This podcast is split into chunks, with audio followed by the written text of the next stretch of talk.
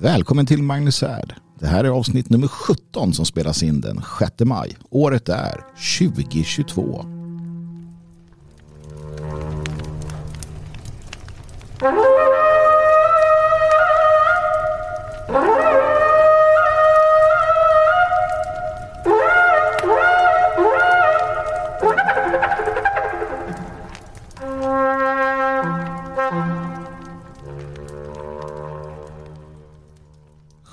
70 dagar eh, har gått. 70 dagar lite drygt har gått eh, sedan, eh, eh, sedan belägringen eller ja, vad vi ska kalla det för utav eh, Azovstal, alltså as, eh, stålverket i Mariupol inleddes. Eh, det var där som eh, civila tog sin tillflykt eh, under det här stålverket och eh, det försvaras då utav eh, initialt i alla fall ett par tusen Eh, soldater från eh, bland annat Azov och andra eh, sådana där stridande styrkor. Och i 70 dagar har man, har man kunnat hålla stånd trots bombardemang och trots väldiga väldiga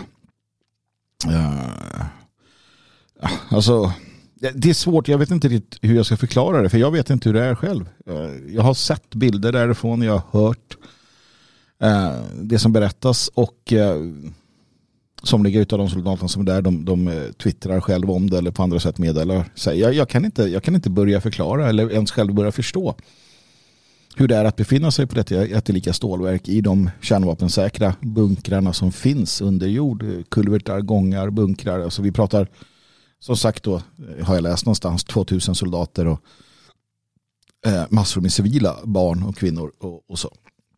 Jag, jag, kan inte, jag kan inte här där jag sitter i Svenskarnas hus under en, en blå himmel och, och tittar ut över ett vackert eh, vårlandskap med eh, träd som börjar slå i blom och, och liknande. Jag ens börja förmedla fasorna från den här platsen.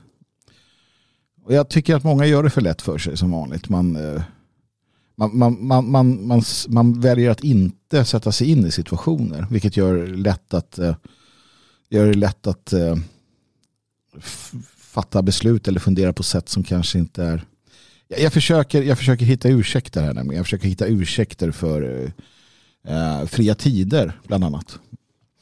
För att jag läste idag rubriker. Nu har det varit på, på det har varit på tapeten här nu ett tag. Mariupol såklart och, och det som händer i uh, Azovstal. Um, och det har utlovats då uh, att civilister ska kunna uh, lämna platsen. Att man ska ha öppna sådana här uh, korridorer för, för evakuering.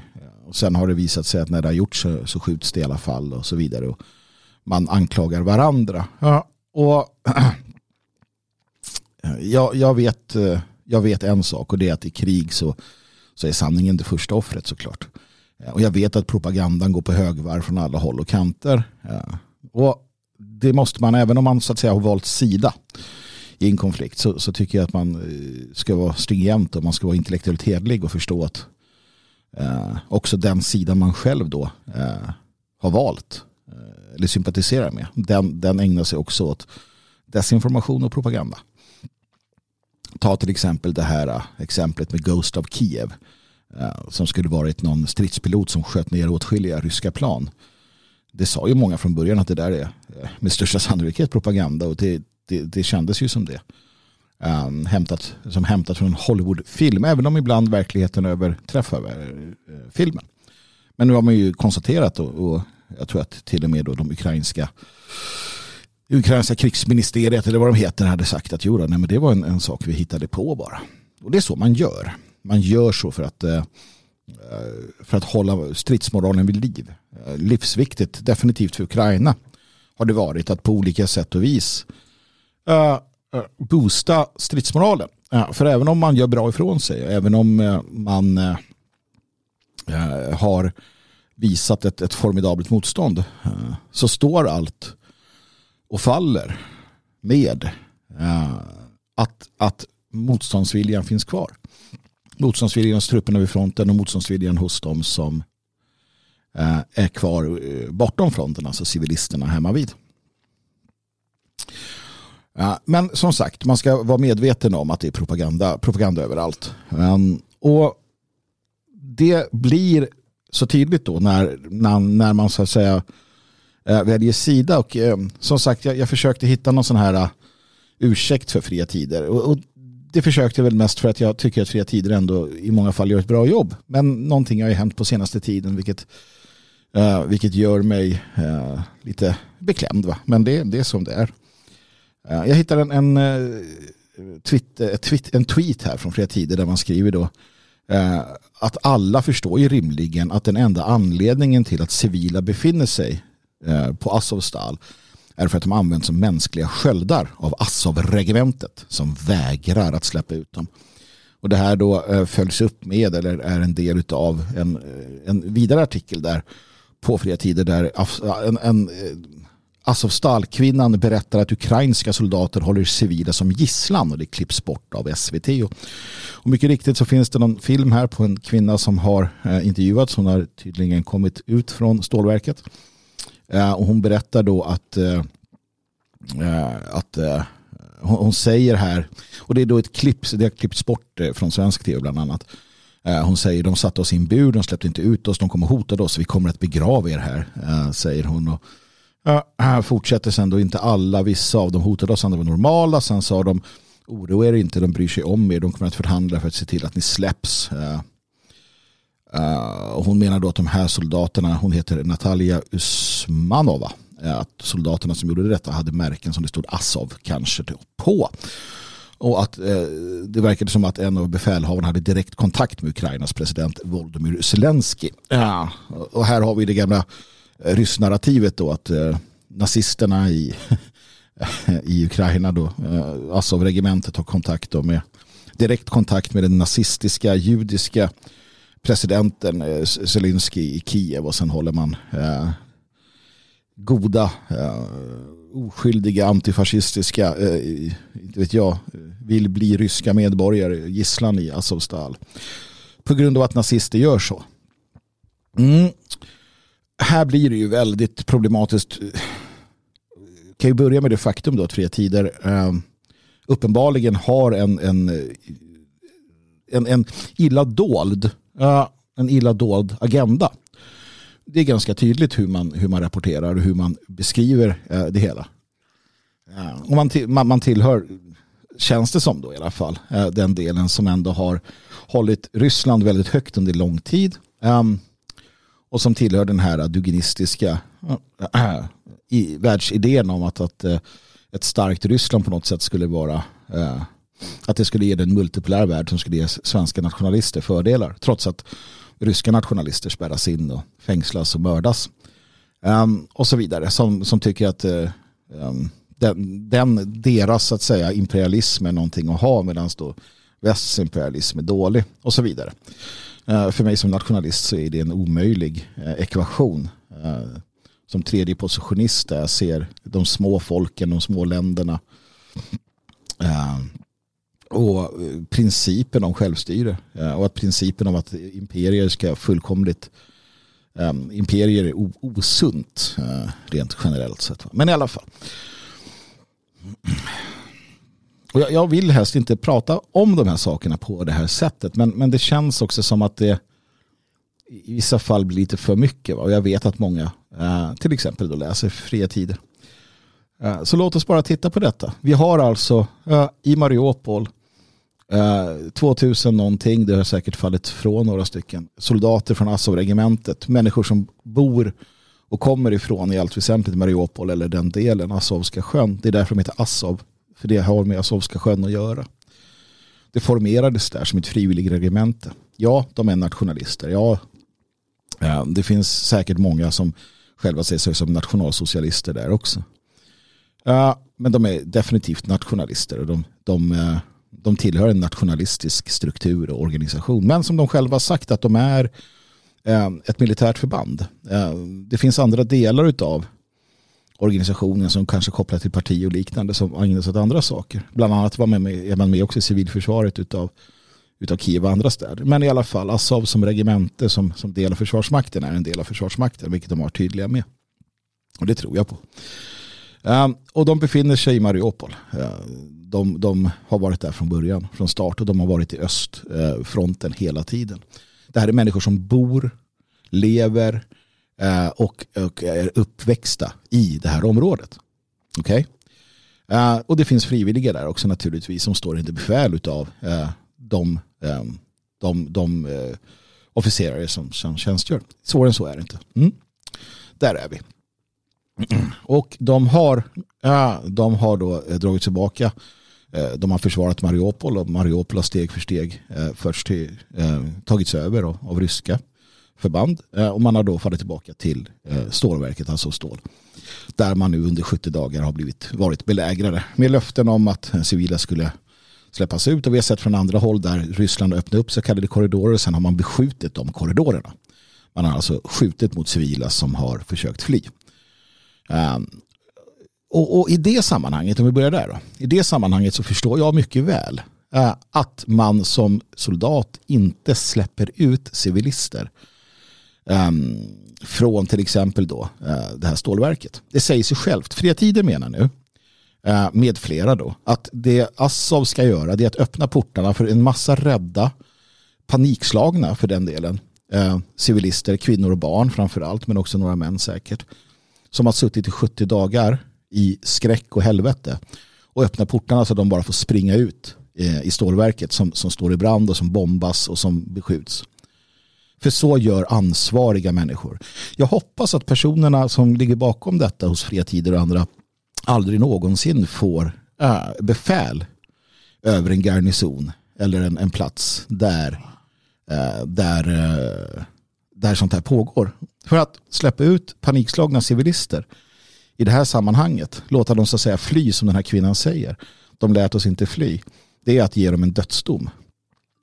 Det man gör naturligtvis är att försöka försäkra sig om att de här människorna eh, ska kunna få en, en, en trygg väg ut. Och det är det det har handlat om. Och man vet att de är tryggare i de här bunkerstrukturerna. Eh, I alla fall eh, för tillfället såklart. Det, det, finns ingen som helst logik i att släppa ut. Det är propaganda att, att säga att det är så man ska göra. Tänk själv. Tänk själv. Uh, för att det är ju så att soldaterna där har, som är uppe på ytan så att säga, som är ute och, och och håller ställningen och bekämpar eh, fienden. De har lite bättre koll på vad som händer. Man släpper inte ut kvinnor och barn där. Och medvetna om hur tidigare evakuationer har fungerat. Inte alls. De hade en lyckad med 200 personer där den här kvinnan då kom ut. Där visar vi också, där, där visar man också att den strategin de har, det vill säga att skydda civila i de här bunkersystemen, att be om hjälp från omvärlden och att eh, när det går att säkra så evakuerar man det är tydligt att det inte handlar om, som det står i den här tweeten, mänskliga sköldar. Det, det, är, ett, det är ett sånt lågvattenmärke att göra som flera tider här gör. Uh, det, det, är för mig fullständigt jävla oacceptabelt. Och visar också en enorm okunskap och dumhet som gör att jag nästan diskvalificerar hela, hela skiten. Om jag ska vara ärlig. Vad gäller den här kvinnan då, då hon säger ju, hon säger ju detta? Ja, jag vet inte. Jag har inte varit där. Uh, de kontakter jag har haft med människor som har tjänstgjort eller tjänstgör i Azov, uh, även människor som är i Mariupol, så jag har svårt att se att de skulle eh, själva utföra eller acceptera den typen av beteende som hon säger skulle ha hänt.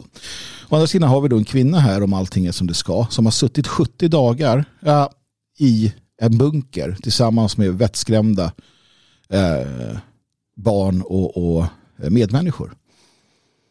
Eh, när hon kommer ut så är jag i alla fall väldigt, väldigt försiktig med att eh, ta det som sägs eh, särskilt mycket på allvar, ärligt talat. Människor som var covid-isolerade i några veckor blev halvtokiga. Och här säger vi då att en, en kvinna som har eh, varit eh, under den här pressen. Och återigen, det var det jag inledde med. Ingen av oss förstår, eh, vi kan inte ens börja förstå hur det är att vara där. Speciellt inte eh, och det är det som blir så, så osmakligt också med journalister och liknande som sitter på sina redaktioner, som sitter i sina eh, trygga hem bortom allting och, och, rapporterar och skriver så här och så här är det. Va? De sitter på, på, i skatteparadis eller på andra ställen och eh, eh, ja, eh, drar sina slutsatser. Människor som inte ens har varit i ett slagsmål. Liksom. Och en att, att, att leva under de förhållanden som har varit i, i Mariupol, i stålverket, alltså Stal, det gör någonting med dig. Det, det, det, är jag rätt säker på. Och sannolikheten för missförstånd eller eh, för att du i panik vill, vill fly någon, någon säger att de står och vaktar vid dörrarna. Ja, kan det vara så enkelt att, att eh, man har posteringar vid de här eh, vi pratar om atombombsäkra bunkersystem. Eh, det kanske är lite av en operation att öppna och stänga dörrar och så vidare. Det kan ju vara så att man har vaktposter vid de här dörrarna. Och det kan ju vara så att om det kommer någon som är hysterisk och skriker jag vill härifrån, jag vill härifrån, då tar man personen i fråga för bort den. Eh, eller hur ska man göra? Återigen, experterna nu som, som anklagar eh, Assov och andra försvarar Mariupol för detta. Hur ska man göra? Man ska öppna dörrarna i de här systemen. Man ska låta människor springa ut som sen kan leda tillbaka fienden om de blir gripna, torterade eller liknande. Det är så vansinnigt dumt och upprörande och världsfrånvänt att det bara kan handla om alltså antingen ren efterblivenhet eller att man, har, att man är en del av en propagandistisk krigföring.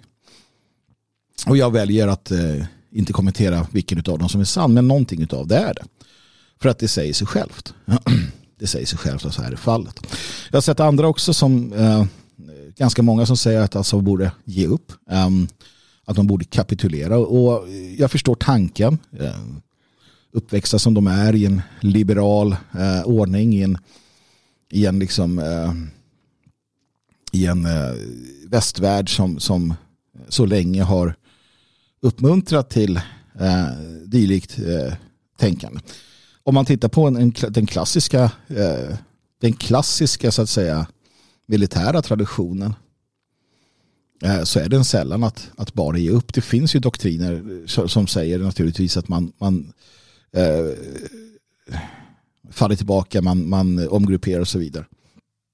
För Assov är det inte ett, ett, ett för, för, för de, de soldaterna i Assov och liknande så är inte det ett alternativ. Ryssarna är väldigt tydliga med hur man kommer behandla de människorna.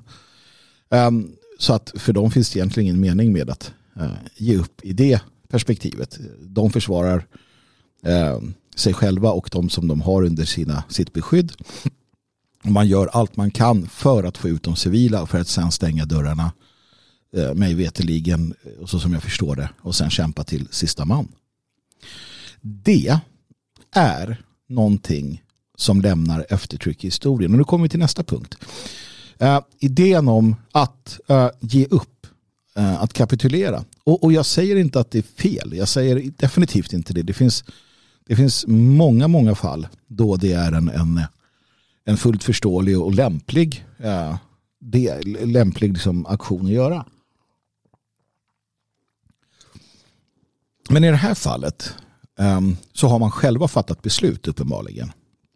Det är ingen annan som gör det. Att Assov skulle så att säga eh, få samtal från Zelensky eh, som säger åt dem att eh, ni får göra ditten eller datten. Det, det tror jag inte ens är möjligt. Va? Framförallt för att Azov alltså har bättre befäl och bättre förståelse för vad som händer än, än Zelensky någonsin kan ha. Ja. Utan man fattar beslut utifrån verkligheten. Och man inser här, precis som soldater har insett många gånger genom historien, att deras offer lämnar frön för en framtida generation. Precis som att många ser styrkan, uthålligheten och offerviljan hos eh, försvararna av Berlin. Eh, försvararna av Stalingrad om man så vill. Eh, både de, de ryska och de tyska alltså. Beroende på vilken sida du hamnar. Vilken sida du är. Du, du har alla, du har hjältehistorierna, du har berättelserna, du har, du har historierna om, om de som aldrig gav upp och du hämtar styrka från det. Du har amerikanerna eh, eh, som, som eh, eh, alla, alla må där. Eh, när mexikanerna kom. Du har Främlingslegionen i, i eh, Nordafrika någonstans, kommer inte ihåg nu. Vi har, vi har boerna i, vid fiskfloden i Sydafrika.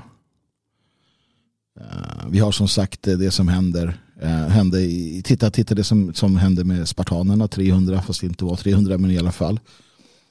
Och vi kommer ha eh, Azov i Mariupol. Vi kommer ha de, de nationalistiska eh, försvararna utav Mariupol mot imperialistiska Ryssland. Och, och det finns ett, ett, ett, ett metafysiskt värde, ett mytiskt värde i detta som moderna liberala eh, europeer och väst, västerlänningar inte begriper sig på.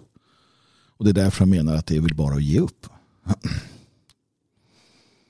Man, man inser att man inser att man, man, eh, man skriver in sig i Panteonen. Man, man har inträde i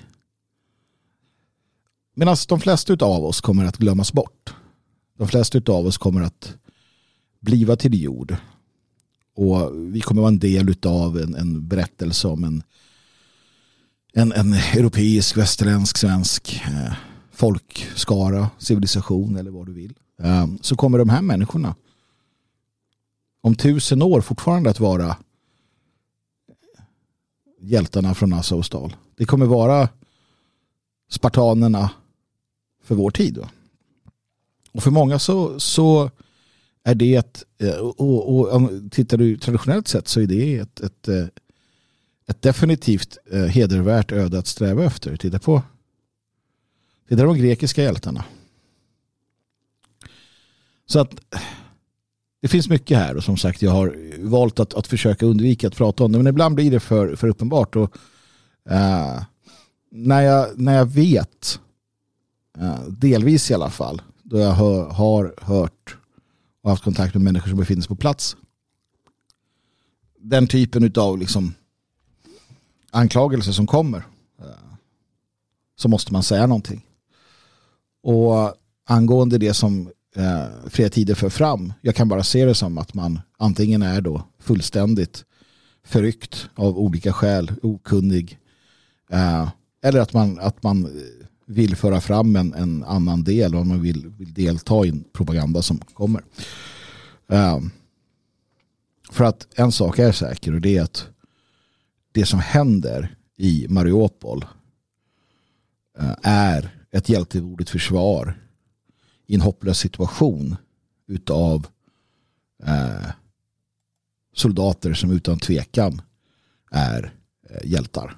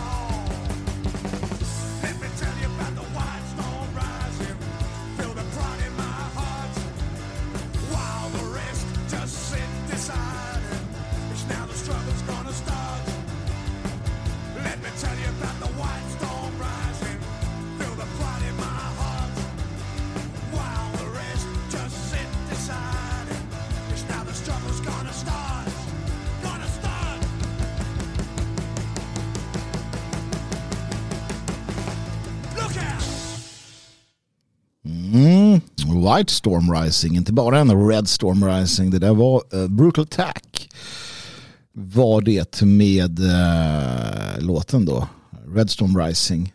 Och musiken spelas i samarbete med i samarbete med uh, Midgård uh, Records, Midgård Shop och det är då Midgard med dubbel A, midgardshop.com och Liberplay. Liberplay.se. Det var just från Liberplay som jag spelade den här låten för er. Um, och Liberplay är då ett Spotify för nationell musik av olika slag och det läggs hela tiden upp uh, uh, ny, uh, ny musik där då så fort man får upp något att kunna ha. fantastiskt, gå in på Liberplay och köp din musik från Midgård. Nu lite sådana här äh, trevliga mejl från er lyssnare. Alltid, alltid lika roligt att äh, höra av er. Och vi börjar med äh, ett lite på det ämnet som jag var inne på innan musiken faktiskt. Um, står så här.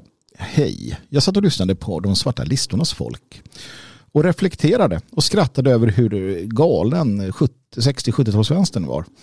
Alla dessa kommunistband som Mörbyligan, jag vet inte, äh, Mörbyligan var ju faktiskt äh, samma som Odalmannen. Äh, jag vet att de började som progg och sådär. Men jag vet ju att han åtminstone, äh, vad han nu hette, glömmer jag bort det, vart ju sedermera Odalman. Ja, ja, sak samma. Eh, Blå tåget, Eldeberget, Knutna Nävar, Nationalteatern och Dan Berglund och så vidare. Deras bitterhet över samhället och kapitalismen är verkligen en lisa för själen. Eh, dessutom har alla dessa musiker förpassat sin historiens minneshål. Men kommer framtidens folk, alltså EU-marxisterna och dess medlöpare, sitta och skratta åt vår kamp och våra sånger på samma sätt som vi skrattar åt kommunistsångerna? Kommer de skratta åt internera, deportera, repatriera? Kommer vi hamna på historiens soptipp som ovan nämnda band som ingen utom de mest hängivna kommunist eh, Ja, rövarna, kommuniströvarna känner till. och jag då förstås. Ja, du och jag och eh, många på vår sida också. Eh, det, det, vi vet ju inte. Naturligtvis så vet vi inte detta. Men eh, jag menar att framtidens folk inte är uh, e-marxisterna, medlöparna. Det är inte framtidens folk. Uh, i, I alla fall inte på det sätt som, som jag uh, tänker framtidens folk. Jag tänker framtidens folk när jag tänker om ett framtidsfolk. Så tänker jag på, på ett, ett starkt och sunt folk. Uh, framförallt mentalt starkt och sunt. Men också fysiskt såklart. Jag tänker på en, en, eh, en trevlig, eh, trevlig plats där man bor. Jag tänker på god sammanhållning. Jag tänker på sunda vanor. Eh, jag tänker på glädje. Jag tänker på vänskap. Jag tänker på, på en massa sådana saker. Det är som liksom en, en solig drömvärld nästan. Det tänker jag som framtidsfolket. Det, skulle jag skriva en roman som heter Framtidsfolket så skulle det handla just om det. Lite nybyggaranda. Jag skulle, jag skulle i denna tid och tänka att vi har eh, strävan uppåt, den faustiska strävan ut i rymden, rymdimperiet. Det, det är framtidsfolket för mig. Det, det, är det, det är den framtid som vi, vi kämpar för och som vi, vi kommer att uppnå förr eller senare menar jag. De här andra som, som du tar upp här. de som, som följer den, den här eh, innevarande världsordningen. Som kommer följa den till vägs ände. Som vill ha mer av det vi ser. Det är inte framtiden. Det är inte framtiden på något sätt för att vi är alla bundna av de naturliga lagarna som säger att om du hoppar från ett flygplan utan fallskärm så är sannolikheten att du dör i princip 100% det är inte framtiden.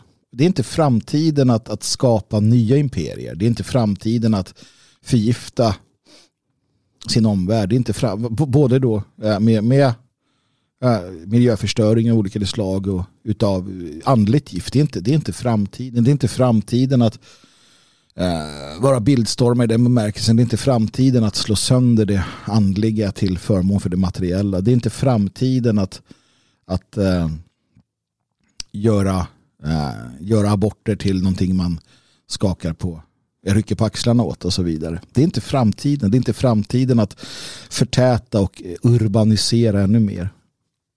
För allt det där är någonting man gör i strid mot den naturliga ordningen. Och man kan göra det. Man kan strida mot den naturliga ordningen. Det gör vi alla lite till mans. Vi, klipper gräset. Och, uh, vi, vi, vi eh, asfalterar våra vägar. Sen så sticker den där lilla tussilagen upp där igen.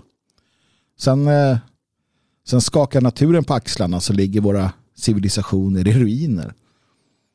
Sen fräser det till någonstans och ett vulkanutbrott slår ut tusen år av bebyggelse. Vi kan, vi kan äh, kämpa mot och, och, försöka tämja men vi vinner aldrig. Så framtidens folk, det är ju de som någonstans ser detta. Någonstans tänker att vi ska göra vårt bästa för att leva i samklang med de naturliga lagarna som också är Guds lagar. Och naturligtvis kommer, kommer de som inte gör det se på oss som gör det med just det här äh, hånskrattet och inte och leva i sin egen, sin egen liksom rättfärdighet. Och självklart kommer många leva och dö på det sättet inom de ramarna. De kommer aldrig ses. Alltså, det är ju väldigt få som ser sin egen civilisation gå under. När det händer. Man, man kan se den krackelera, man kan se en massa saker. Men att, att just vara på plats när det händer. Det är ju en generation som är det. Resten har ju levt i den och trott att den var det bästa. Så vad har framtiden sig sköte? Jag vet inte. Jag, jag vet faktiskt inte alls. Men, men jag är rätt säker på. Och jag jobbar ju för i alla fall. Att, att eh, de må sitta i sina groteska eh, megastäder och vara de här materiella varelserna. Och skratta åt oss om de vill. Medan vi sitter nästan som eh, Robin Hood och, och sjunger våra sånger kring en öppen eld, kring en härd i Elgarås eller i någon annan trevlig liten by som vi har etablerat någonstans och som vi skyddar och håller som vår.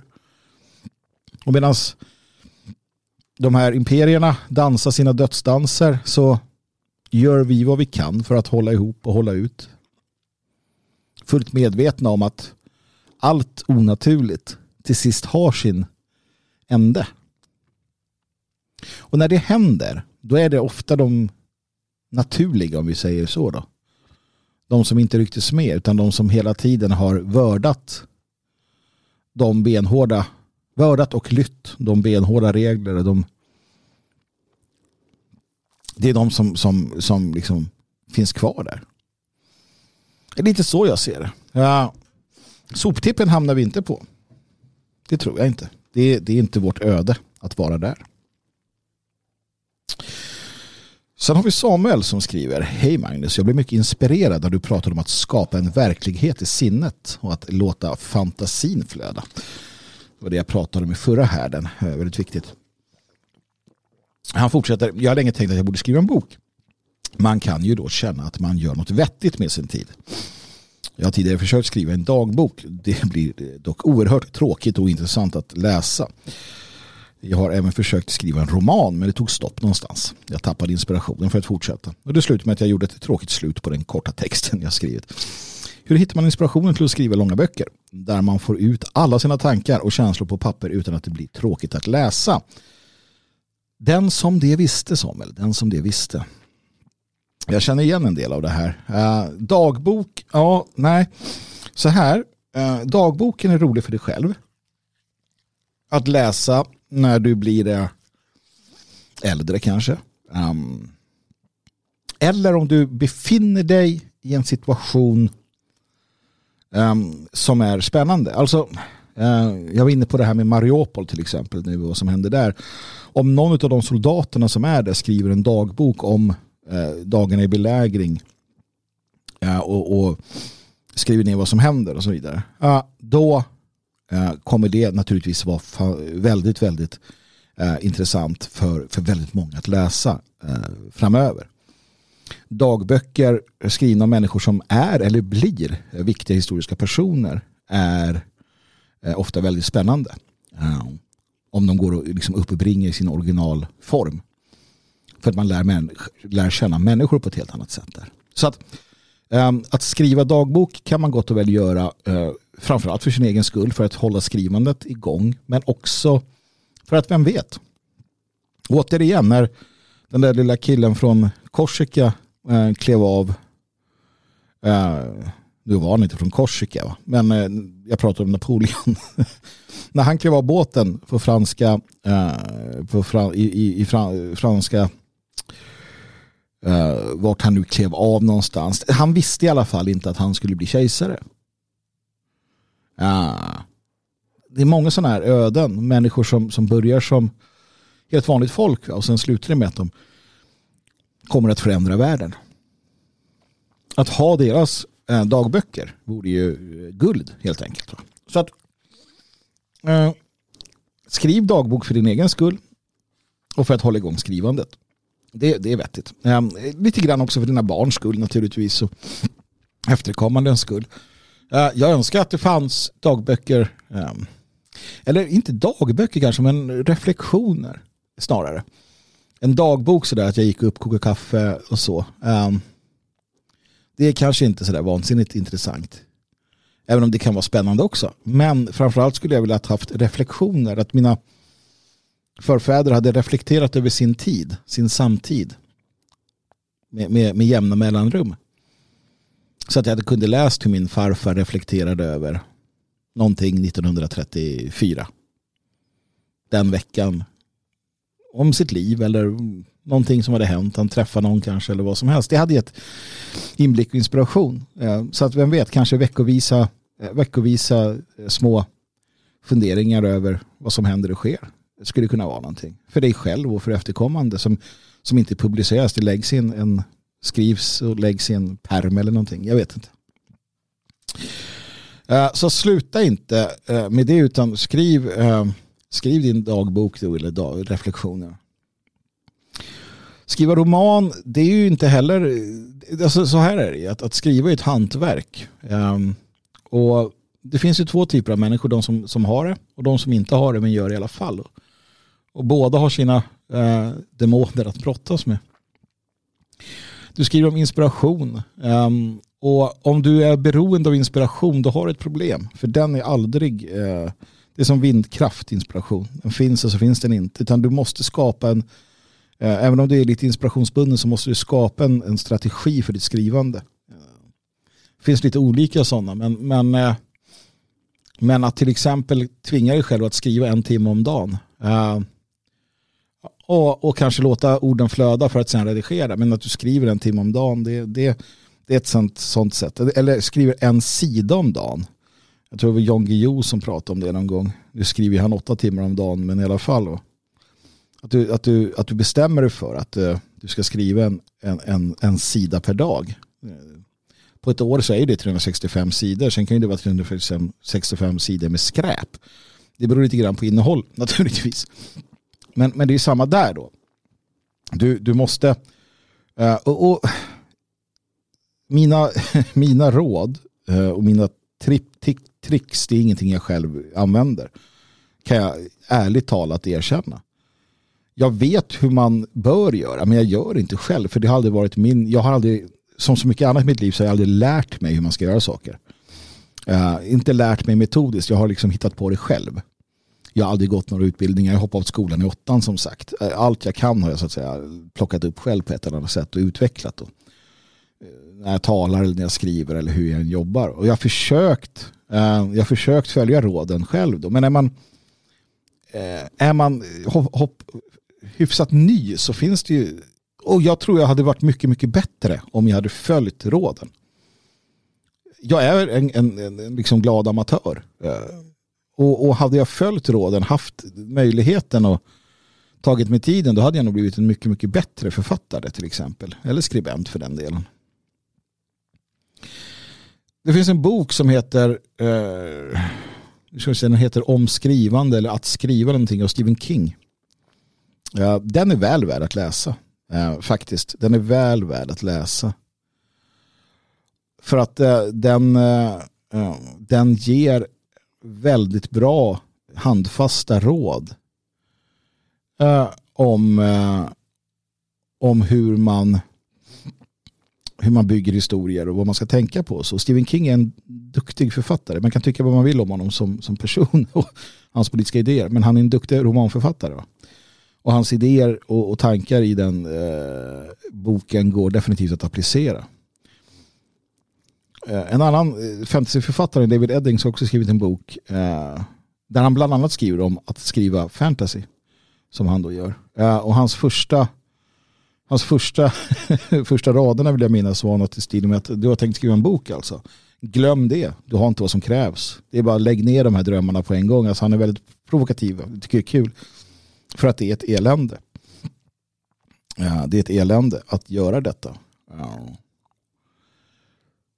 Men det är också väl värt det. Um, det är väl värt att, att skriva, att, att arbeta med text och, och har man har man viljan, det ger sig. Det ger sig. Hur håller man inspirationen så här? Hur håller man lågan brinnande att fortsätta? Um, det, får, det gör man inte. Alltså, det är så bara. Jag har en, ett ständigt behov av att uttrycka mig i, i text. Jag, jag har en, alltså min hjärna arbetar ständigt med att, att processa och hitta på och skapa och, och, och så. Eh, uh, 95 procent, 98 procent av det, det jag har i huvudet kommer aldrig tecknas ner. Jag har i detta nu 10-12 projekt som ligger Eh, i olika stadier och de flesta, kanske alla, kommer slängas i form av, av eh, litteratur, eh, böcker, böcker, olika, både sakprosa och prosa och vad det nu kan tänkas vara. Och jag håller på så här tills det klickar, tills det blir något. Och då, då blir jag manisk istället. Så sitter jag med någonting tills det är klart. Det är min process så att säga. Och jag har försökt som sagt jobba med att göra en plan och, och allt man ska göra. Jag har inte, har inte lyckats få till det ännu. Men jag råder dig att, att äh, kanske till och med ta några kurser om, om att skriva så att du får in den här tekniken. Struktur, jag, jag i, i, i, i princip i alla fall så är jag för struktur. Jag vill ha struktur i allt jag gör. Jag är, jag är sån. Eh, jag mår inget bra om jag inte har det. Eh, och, och det gäller allt utom skrivandet tydligen. För i skrivandet så finns det ingen struktur alls. Vilket gör att de som läser mina eh, som korrekturläser och sådär, de, de kan ibland bli lite trötta på att jag inte har någon ordning äh, i det jag har gjort. Det kan krävas, man går in, tidslinjer och sånt där är ganska viktiga när man skriver äh, längre, längre böcker och så vidare. Sen ska du läsa jäkligt mycket. Läs vansinniga mängder med, med, med litteratur. Ja, skönlitteratur naturligtvis om du gillar det. Det är inte att man eh, man, man, plagierar en hel del. Mm, och det, det är viktigt att kunna göra det. Att, att grepp, idéer, tankar så snor man dem rakt av från andra författare och använder dem för sig själv. Man, man gör dem till sina egna. Man, man eh, trixar till det lite så att det blir mer sig själv. Då. Som sagt, för mig går det inte att inte göra det. Det går inte att så att säga, jag kan tappa, jag kan tappa intresset lite kort men man, man kommer tillbaka dit. Igen. Ja, och man har den här drömmen om att man ska skriva den här stora, det här verket, den här, den här avgörande boken. Och det gör man inte såklart. Ja. Utan man, man skriver för att man älskar att skriva och för att man vill skriva. Ja. I, I princip så skriver man för sig själv. Um, och jag tror att det är det man måste känna. Skriv någonting som du själv dels tycker är kul medan du gör det. Du skrattar, du gråter, du äcklas, vad det nu kan tänkas vara. Men du har, har en fantastisk upplevelse. Om andra sen också kan få den upplevelsen då har du verkligen gjort någonting bra. Men, men om det bara var du eller ja, någon annan någonstans någon gång, ja men jättebra. Um, alldeles oavsett så, så är detta en del av att skapa uh, skapa denna, detta kollektiva omedvetna, skapa substans i detta. Alltså, även om ingen annan här läser det så är det en del av en, en, en skatt som förfäderna dels lämnade vidare till oss men som vi lämnar vidare som, som förfäder till, till efterkommande. Så att jag vet inte om du får ut något vettigt av det här som jag äh, pratar om alls. Jag, jag, det kan vara så att du inte, att du inte, får, att du inte får det. Men, men äh, jag hoppas att, äh, att du i alla fall fick, fick lite vatten på din kvarn eller vad man säger. Och skriv på för allt i världen. Skriv på.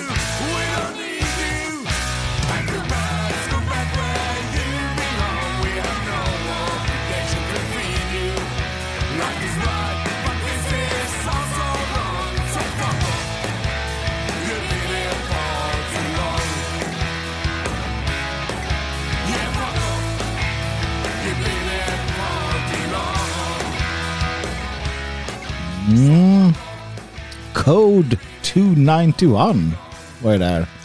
Fuck off, we don't need you, we don't want you. Ja, svårare än så ja, tycker jag väl inte att det är egentligen. Va? Ska inte ha äh, människor här som inte ska vara här. Och det, är inte, det är inte svårare än så, kära, kära lyssnare. Musiken som sagt i samarbete med Midgård och med Liberplay. Den här spelades också från Liberplay där den finns, Code 291. Där finns Brutal Attack och där finns det massor med mer musik. Musik du inte hittar någon annanstans. Jag eh, har på min, mina sociala medier, framförallt på min sån här eh, Instagram, så dyker det upp hela tiden ehm, sådana här smarta citat. Jag fick något utbrott här på Twitter när det nu var. Där jag, där jag, där jag skrev att jag är så jäkla, jäkla trött på eh, alla, alla citat från döda smarta människor som florerar överallt. Um, och att man borde börja skapa sina egna citat istället. Alltså lita på sig själv. Lita på sin intuition. Och, och säg vad du tycker och tänker. Och, och låt det bli citaten. Ja, oftast är det ju så att man gör inte sånt själv. Utan det är att andra tar det man har sagt. Och sen så får de får de vingar då. Det blir bevingade ord innan andra tar dem till sig. Så att det, det, ja men ändå. Att man ska försöka prestera själv kloka tankar. Sätt dig ner, fundera på saker Uh, uttryck dem på olika sätt och vis och sen se, vem vet, det kanske tar fart. Det är ändå inte därför man gör det. Det var inte så att Platon funderade och skrev för att folk skulle rycka saker ur sitt sammanhang och göra uh, fyrkantiga bilder av det med hans eh, någon staty på och, och, ut på Instagram. Ehm, och jag, jag, säger inte att det är fel med de här ehm, bilderna som läggs ut eller att det är dumt. Det är inte, det är inte dumt med de här citaten. Men jag, jag funderar kring dem lite grann. Och det, de dyker som sagt upp och det är för att jag tittar på, på dem. För att jag till och med kanske typ eh, prenumererar på, eller vad heter det, gillar eller följer The Daily Stoic. Det är klart att jag får eh, dagliga stoiska eh, citat och, och eh, förnuftiga ord till, tillskickade mig då. Eh, och det har jag inget emot heller. Eh, på många sätt och vis så, så är det eh, är det bra till exempel, alltså, på samma sätt som att, att eh, öppna bibeln och, och, läsa något stycke här eller några ord där, en psalm där eller vad det kan vara. Eller ur någon annan bok som är intressant. Um, så att få det här och titta på dem, det, det, kan ge en lite, ja, man blir lite eftertänksam då. Eller så, så blir man bara trött på det till sist. Det finns ju det också. Men, men jag ser att det finns mycket sånt här. Det är, det. Det är sådana enorma mängder att, att man, man pumpar ut det här då. Uh, och, och, det är någon form av självhjälp kondenserad. För att allting verkar handla just om, om det. Det handlar om hur du hur du ska uh, hur du ska leva ditt liv för att må bra. Va? Det handlar om dig. Det handlar om individen. Uh, uh, och, och, sådär. Eh, hur du ska ja, på, på olika sätt självutvecklas eller Eh, hur, du, hur du eh, ska ja, det handlar om dig. Och, och, och, och det, det verkar som att allt gör det. Idag. Allt handlar, du har böcker, du har självhjälpsböcker hur du ska bli en bättre människa och det handlar om hur du ska agera och hur du ska och allting handlar liksom om, om självuppfyllelse. Och massa sådana här äh, influencers och liknande pratar också om de här sakerna. Du, du ska träna och du ska äta det här och du ska göra det här och du ska göra det här och du ska göra det här för att äh, liksom må bra och tjäna pengar eller, eller så. Och, och, och det finns massa saker där som är bra såklart som du ska göra. Uh, återigen, jag, jag säger inte att det är fel. Uh, alls. Utan, utan snarare att, att det finns väldigt mycket rätt i det.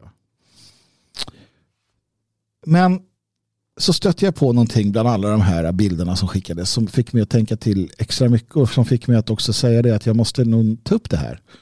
Och det är en, en grekisk eh, en grekisk eh, ett grekiskt tankeord, en, en, en, en klokskap som säger att ett, ett, samhälle ett samhälle växer sig starkt och växer sig bra växer sig stort när gamla människor jag väljer att använda ordet människor, inte män, även om det säkert var män man åsyftade. Gamla människor planterar träd i vars skugga de vet att de aldrig kommer få sitta.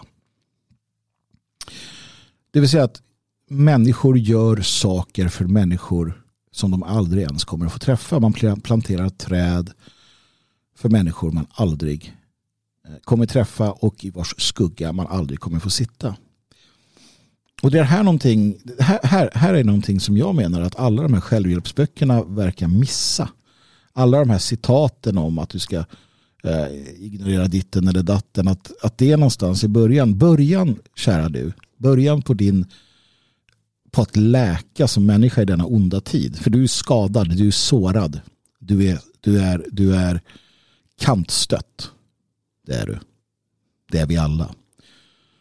Och vägen till att börja läka är inte något av det du läser och hör bland de här influencers eller liknande utan det är faktiskt något helt annat och det är att börja tjäna.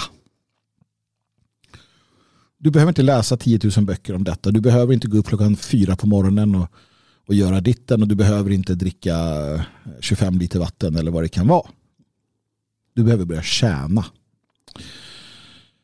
Du behöver ställa dig till förfogande.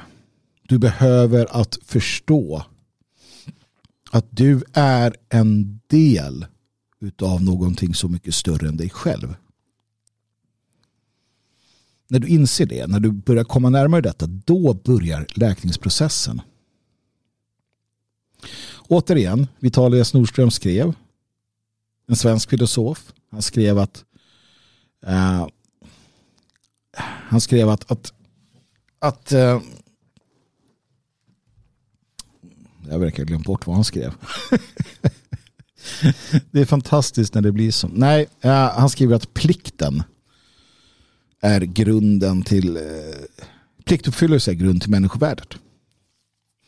Det vill säga att ditt, ditt värde som människa avgörs huruvida du gör din plikt eller inte. Och jag menar precis samma sak.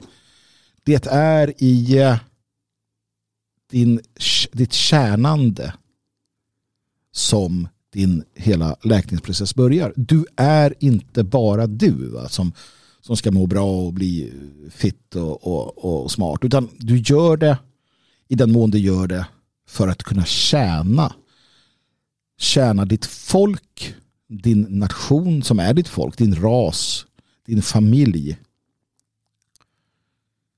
du ska se på dig själv som en tjänare. Det här är också lite av grunden i den, den, eh, det budskap som eh, den revolutionära ledaren och hjälten Kristus eh, förmedlade. Att tjäna. För att samhället eller den värld vi lever i, den, den, den familj, tar det, vi tar familjen. Om, om det talas i Bibeln bland annat om, Kristus säger det, att, eh, jag tror det är Kristus, men att, att kvinnan är underställd mannen. Va? Och där brukar alla vara nöjda för det tycker de ju. Ja, eller så blir de arga över det. Men, men det de inte konstaterar är att, att det går åt båda hållen. Det fortsätter där nämligen. Det vill säga att, att man är slavar åt varandra. Själva grundidén är att mannen och kvinnan ska tjäna varandra. Det är den, den kristna grundidén och det är den germanska, det är den ariska grundidén. Mannen och kvinnan tjänar varandra. Man tjänar sina barn och barnen tjänar sina, eh, sina föräldrar. Man tjänar sin släkt och släkten tjänar en själv. Man, man är tjänare i den by man bor. Man tar hand om varandra, man tjänar varandra och de tjänar oss. Och alla som är en del av den gemenskapen gör detta. De som inte är det, Alltså de som inte är tjänare, de som är parasiter, de som är, ja de, de gallras ut såklart. De tas bort. De får inte vara en del av gemenskapen. Och det är då i tjänandet som din läkare process börjar. Det är inte, om du sticker ut hakan här, det är inte genom att gå på gym. Det är inte genom att inte gå på gym om du nu gör det för mycket. Eller, eller någonting sånt. Det är inte där det börjar. Det är en del av det. Det handlar om att bli effektiv då. Det handlar om att man bestämmer sig för vissa saker och sen ska man bli så bra som möjligt på det.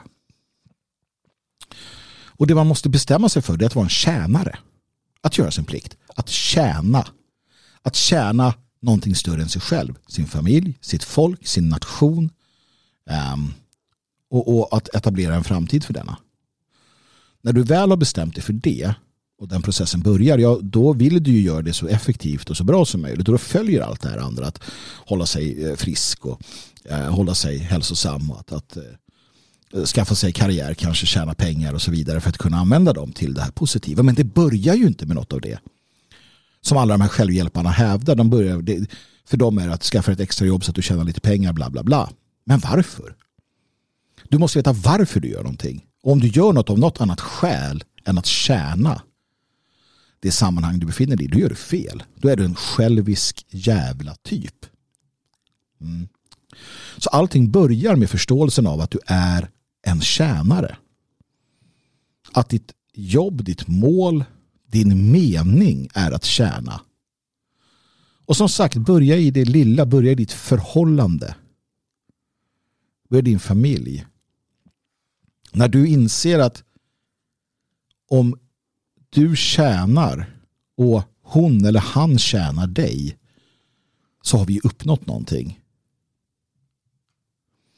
Och det här fortsätter då, expanderar och blir, uh, bli någon som ringar på vattnet. Och det är här då, om vi tar dig som mår dåligt, du som eh, är kantstött, du som inte står ut med den här sjuka världen vi lever i. Om du inser att din roll är att tjäna ditt folk på olika sätt och vis. Att tjäna din hustru eller make. Så, så får du en plats. En plats som är i allt positiv. Det finns inget destruktivt i att tjäna. Det finns inte en, en, en gnutta av hat eller avund eller någonting i denna. Det är en ren kärlekshandling att tjäna att tjäna någon annan. Och om vi tjänar varandra ja, då, då är det den, ett, en uttryck för, för den kärleken. Och det där kommer naturligtvis slå igenom i en, en familj där man, där man lever på det sättet. Ja, men då, då finns det inte på samma sätt de, de bekymmer som kanske finns när alla ska uppfylla sig själva. Och det här är naturligtvis något man får brottas med. Alla, alla har vi ju vår själviska ådra såklart. Och det är inget fel såklart heller. Och det är inte så att när jag säger att man ska känna varandra, det är inte så att, att eh, ens make eller hustru kanske känner alla ens eh, behov. Men då får man väl klargöra dem eller vara öppen med varandra i allt väsentligt är det fortfarande så att vi tjänar och där kommer sådana bevingade citat som jag gillar. Eh, exempelvis då, vi tar det Snorström om att eh, människovärdet avgörs av pliktuppfyllelse. Eller som JFK sa att eh, fundera inte på vad, vad ditt land kan göra för dig utan för vad du kan göra för ditt land. Det är sådana där grundläggande saker. Samma sak om du är en del av föreningen i Fria Sverige. Hur kan du hjälpa och stötta föreningen? Inte vad kan jag få av föreningen? För det kommer. När man, när man investerar något, när man lägger in något, tid, pengar, vilja, kärlek, att tjäna, så kommer frukterna att skördas. Och jag har så gott jag har kunnat i hela mitt medvetna liv sett på mig själv som en tjänare jag tjänar mitt folk. Min, min, min uppgift, min gudagivna uppgift är att tjäna mitt folk. Inte att dra nytta av det. Inte vad får jag ut av detta. Utan vad kan jag ge? Och Jag vet att jag tidigare pratade om det här att jag gärna är naiv. Jag är hellre naiv och lättlurad eh, och blir utnyttjad än att vara cynisk och, och jävlig. Och det finns lite samma sak här. Jag tjänar hellre mitt folk för det är för en högre sak. Det är för en bättre sak. Sen ska man inte vara dum, naturligtvis. För att eh, det finns gränser för allting. Jag, jag har nog i må många gånger varit lite för naiv, lite för, för ivrig. Eh, och då blir man kanske lite för mycket eh, ett lätt offer för människor som är dåliga.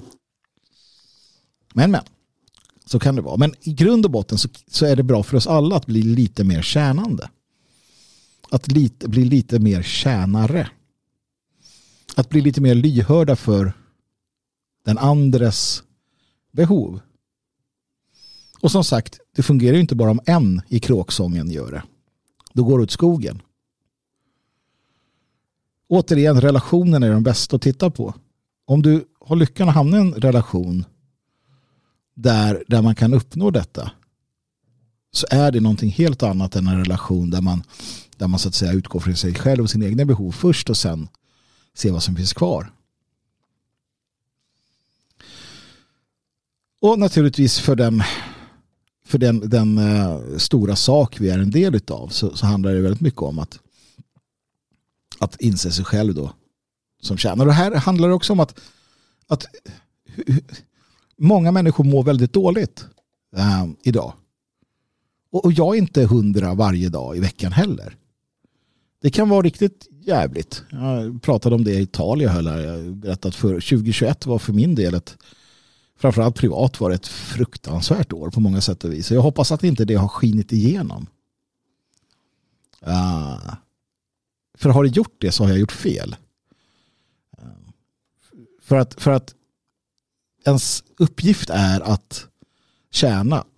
Och då finns det naturligtvis eh, konfidenter man kan vända sig till när det är eländigt. Men i, den stora, i det stora hela så måste man ändå gå på. Va? Det, det, det är den vuxna rollen här. Man kan inte hänga läpp och, och tjura. Helt enkelt. Men det är också för att man förstår, jag förstår att jag är en del av någonting större. Alltså, det är en sån befrielse att veta det. Jag är en del av det heliga folket. Jag är en del av den heliga nationen. En del av utav den här den här kosmiska liksom det här sammanhanget på något sätt. Som far. Eh, som eh, som, som i, i tjänsten för, för folket och på andra sätt och vis så är man en del av någonting större hela tiden. Man är, man är en droppe i ett hav. Men varje droppe är, är betydelsefull. Utan dropparna inget hav. Och, och vissa av de här dropparna skiljer ut sig. Jag sa det tidigare. Hjältarna i Mariupol, hjältarna i, i Sparta. Uh, det är sådana som, som, som minns, som, som blir ihågkomna. De flesta av oss blir bara en del av det här stora havet. Vi, vi sjunker tillbaka till den här äh, stora massan. Men det är okej. Okay. Det visar också på att den, den här kollektivistiska idén i grund och botten är, är rätt. Det vill säga att vi är en del av något annat, det kollektivt omedvetna. Vår, vår del som, som individer i en, en större kontext. Och idén om att frihetlighet eller liknande på något sätt skulle motsäga förståelsen för den större folkgemenskapen, det är fel. Snarare tvärtom. När man förstår att den personliga friheten gör dig själv fri att välja att tjäna. Då börjar det hända saker.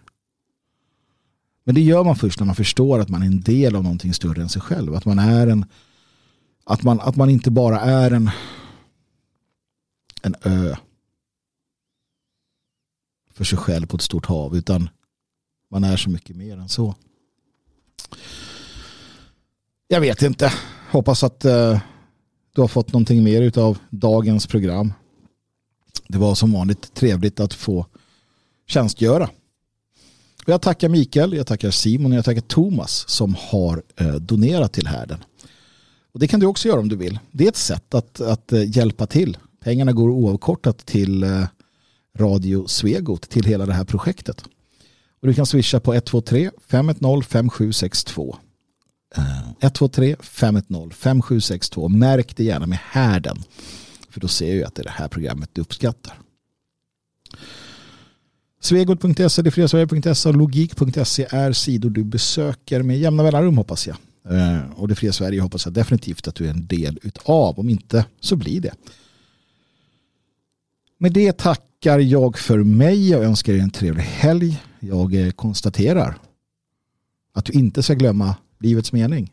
Slåss med troll, befria prinsessor, döda varulvar. Det är att leva. Och sist men inte minst, ge aldrig upp.